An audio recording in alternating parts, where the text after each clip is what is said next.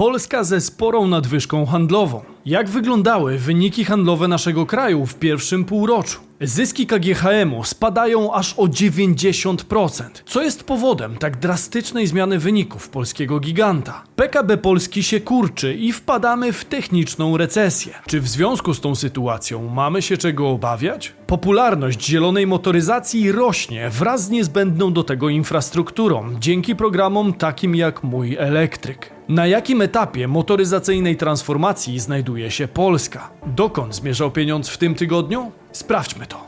Bizweek. Cotygodniowy przegląd świata biznesu i finansów. Cześć, tutaj Damian Olszewski i witam Was serdecznie w programie Praktycznie o Pieniądzach i informacyjnej serii Bizweek, gdzie co tydzień otrzymujecie dawkę najważniejszych informacji ze świata biznesu i finansów. Warto zatem subskrybować kanał czerwonym przyciskiem na dole, aby wiedzieć co dzieje się w naszych portfelach. A jak zwykle działo się całkiem sporo, więc i ten tydzień nas nie zawiódł. Wiernych widzów proszę o niewielki kredyt zaufania w postaci łapki w górę, aby nakarmić algorytm i nie idziemy do konkretów. Czas to pieniądz, więc Zaczynamy. Zysk KGHM-u spada o 90%. Co dzieje się na rynku złota i srebra? KGHM to popularna polska spółka, która jest jednym z czołowych producentów miedzi i srebra rafinowanego na świecie.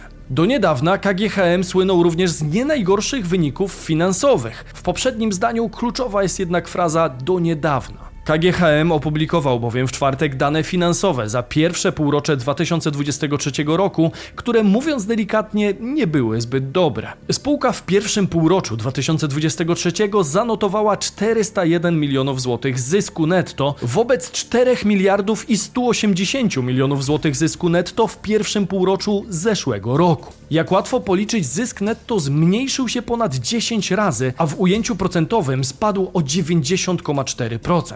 Wpływ na tak drastyczny spadek zysku netto mają koszty spółki, a przede wszystkim wyższe koszty prowadzenia działalności, w tym również ceny energii. Widać to tym bardziej patrząc na przychody spółki, które wyniosły 17 miliardów 757 milionów złotych wobec 17 miliardów i 962 milionów złotych w analogicznym okresie poprzedniego roku. Z kolei EBITDA spółki za pierwsze 6 miesięcy wynosi 2,2 miliardy złotych, a rok wcześniej w analogicznym okresie było to około 3,5 miliarda złotych.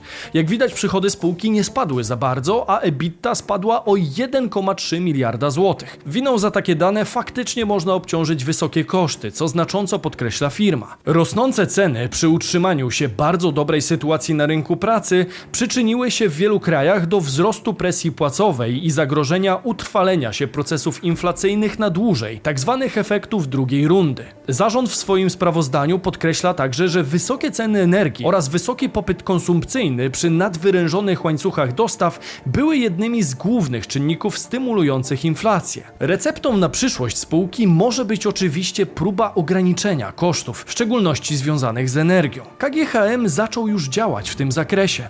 Mianowicie firma ma zamiar postawić na technologię SMR, czyli małych modułowych elektrowni jądrowych, a także na realizację własnych projektów OZE.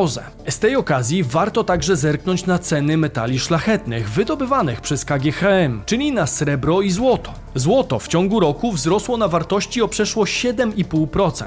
Żółty metal jest zdecydowanie najpopularniejszym kruszywem, które pojawiło się w naszej historii już przed VII wiekiem przed naszą erą w Lidii i jest powszechnie uważane za dobrą i bezpieczną lokatę kapitału, w szczególności w obronie przed inflacją. Co prawda 7,5% nie wygląda okazale w porównaniu do polskiej inflacji, ale inwestycje w złoto w większości przypadków traktuje się raczej jako długoterminową lokatę kapitału, więc nie warto jej oceniać po roku. Spójrzmy więc na długi dystans. Przez ostatnie 5, 20 i 50 lat złoto zyskało na wartości odpowiednio 56,17%, 425,97% oraz przeszło 1625%. Aktualnie złoto jest w drobnej korekcie. W ciągu ostatnich 5 miesięcy notowania złota spadły o 4,29%. Kupowanie danego aktywa w trakcie korekty jest zwykle znacznie lepszym rozwiązaniem niż zakup podczas ogromnej fali popytowej na rynku. A takie momenty zdarzają się kruszcom przede wszystkim w chwilach znaczącej destabilizacji na rynkach finansowych. Złoto można zakupić w różnej postaci, przykład fizycznej czy też papierowej, przykład w formie kontraktu CFD.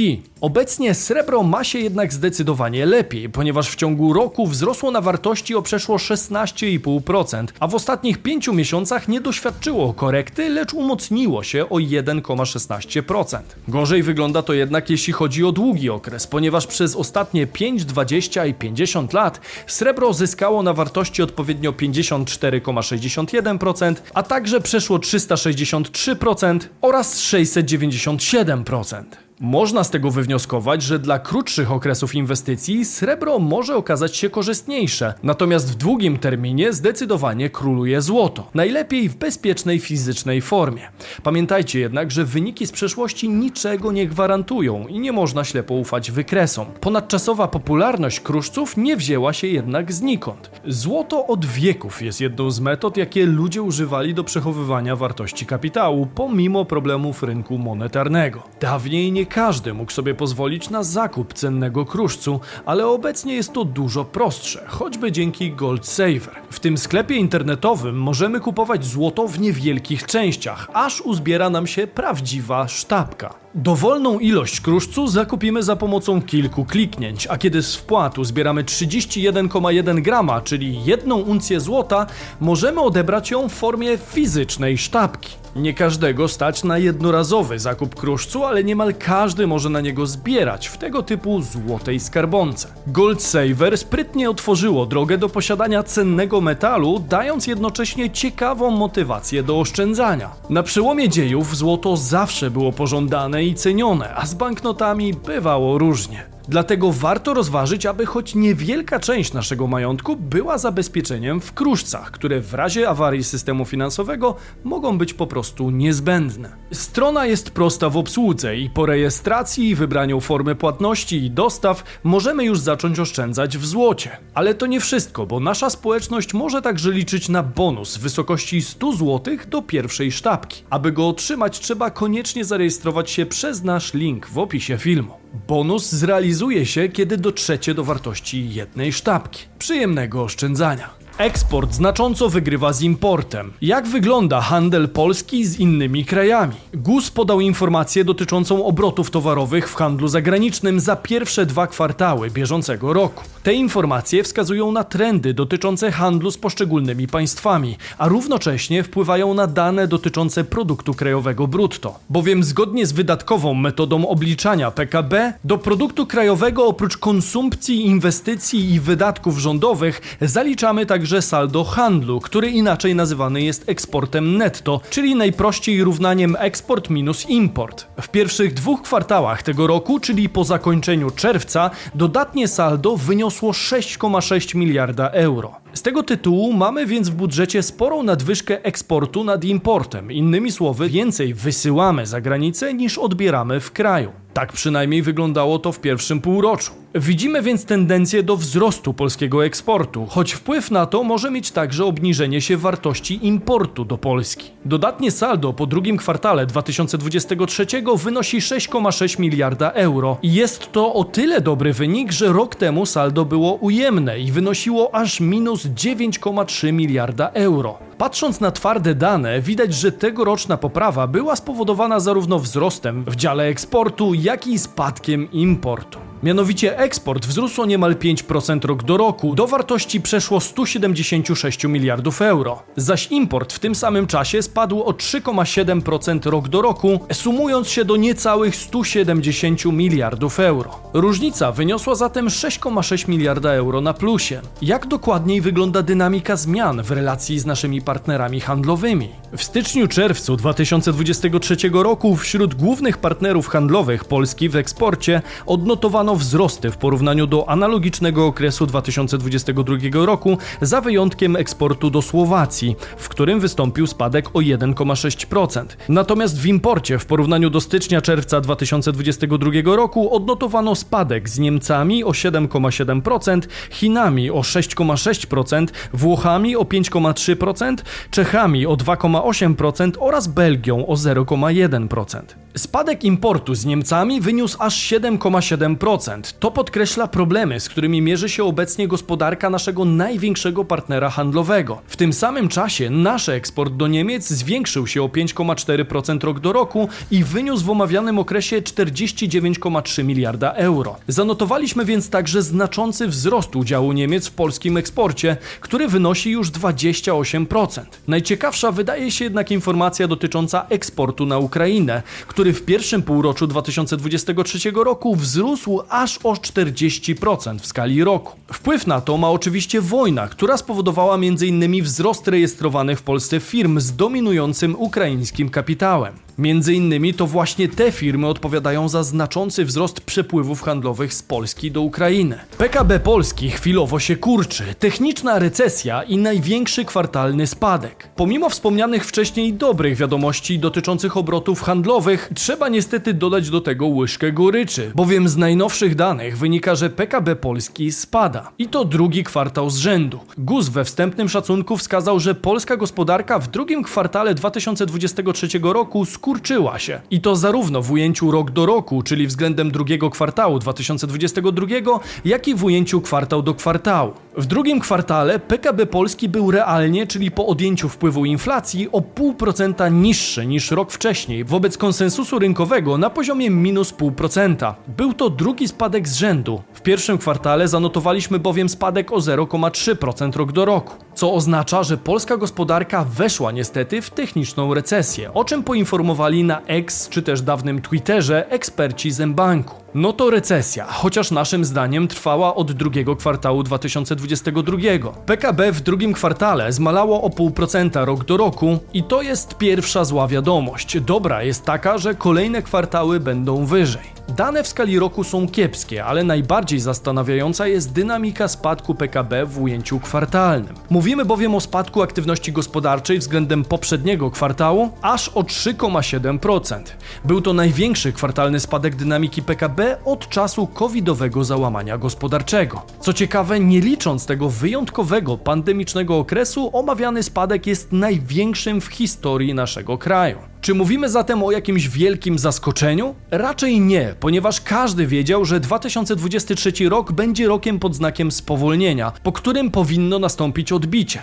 Słabnącą aktywność gospodarczą można było zaobserwować śledząc dane dotyczące np. produkcji przemysłowej, sprzedaży detalicznej, a także produkcji budowlano-montażowej. Prognozy na przyszłość są jednak obiecujące, ponieważ kolejne półrocze ma być dużo lepsze, a w całym roku polskie PKB powinno wyjść minimalnie na plusie. Chwilowa zadyszka polskiej gospodarki nie powinna więc szczególnie martwić. Mój elektryk nakręca popyt na zielony transport. Zgodnie z unijną legislacją, w celu osiągnięcia neutralności klimatycznej do roku 2050, Unia Europejska ograniczy emisję z samochodów, argumentując to tym, że transport drogowy odpowiada za 1 piątą emisji CO2 w całej Unii Europejskiej. Dokładniej od 2035 roku wszystkie nowe samochody, które pojawią się na rynku, nie mogą emitować CO2. Unijne prawodawstwo w tym zakresie spowoduje siłą rzeczy wzrost liczby aut elektrycznych, który możemy zauważyć już w tym roku, czyli na 12 lat przed wejściem w życie kontrowersyjnych unijnych przepisów. Tylko między styczniem a końcem lipca bieżącego roku w Polsce przybyło prawie 13,3 tysiąca w pełni elektrycznych samochodów osobowych i dostawczych, co stanowi zauważalny wzrost aż o 60% rok do roku. Pod koniec lipca na rodzimych drogach jeździło już niemal 83 tysiące samochodów osobowych z napędem elektrycznym. Flota w pełni elektrycznych aut liczyła sobie prawie 42,3 tysiące, a hybryd typu plug-in było blisko 40,7 tysiąca. Znaczący wzrost popularności elektryków komentuje Jakub Faryś, prezes Polskiego Związku Przemysłu Motoryzacyjnego. W lipcu przekroczyliśmy granicę 47 tysięcy zarejestrowanych pojazdów z napędem całkowicie elektrycznym.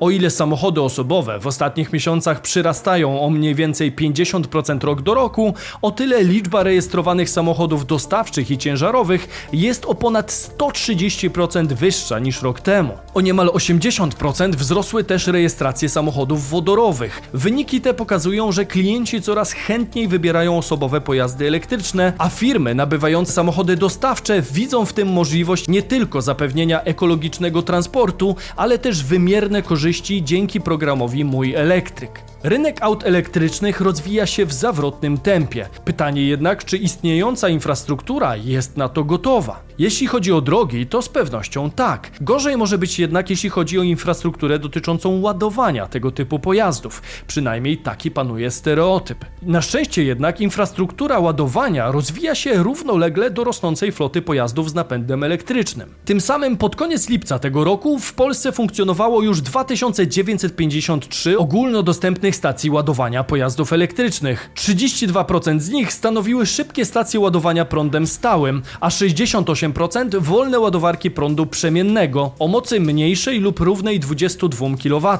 Maciej Mazur, dyrektor zarządzający Polskim Stowarzyszeniem Paliw Alternatywnych, wskazuje, że w lipcu oddano do użytku 68 stacji, zwiększając tym samym ogólną liczbę ogólnodostępnych punktów ładowania o 32% rok do roku. Ponadto do końca roku przewidywana jest rozbudowa sieci ładowania do około 7,5 tysiąca, a w kolejnych dwóch latach do ponad 38 tysięcy punktów. Pytanie więc, czy także w najbliższym czasie planujecie przesiąść się do tak zwanego elektryka? Koniecznie dajcie znać w komentarzu, bo jestem bardzo ciekawy, ilu wśród nas jest fanów elektromobilności. Mówił Damian Olszewski, a to był Bizweek, wasz cotygodniowy przegląd najważniejszych wieści ze świata biznesu i finansów. Koniecznie subskrybujcie kanał na dole, aby wiedzieć dokąd zmierzał pieniądz i zostawcie hashtag Bizweek w komentarzu, jeśli doceniacie naszą pracę. Pomaga nam to dotrzeć do większej ilości widzów. Tymczasem widzimy się jak zwykle w sobotę i niedzielę o 15. Cześć!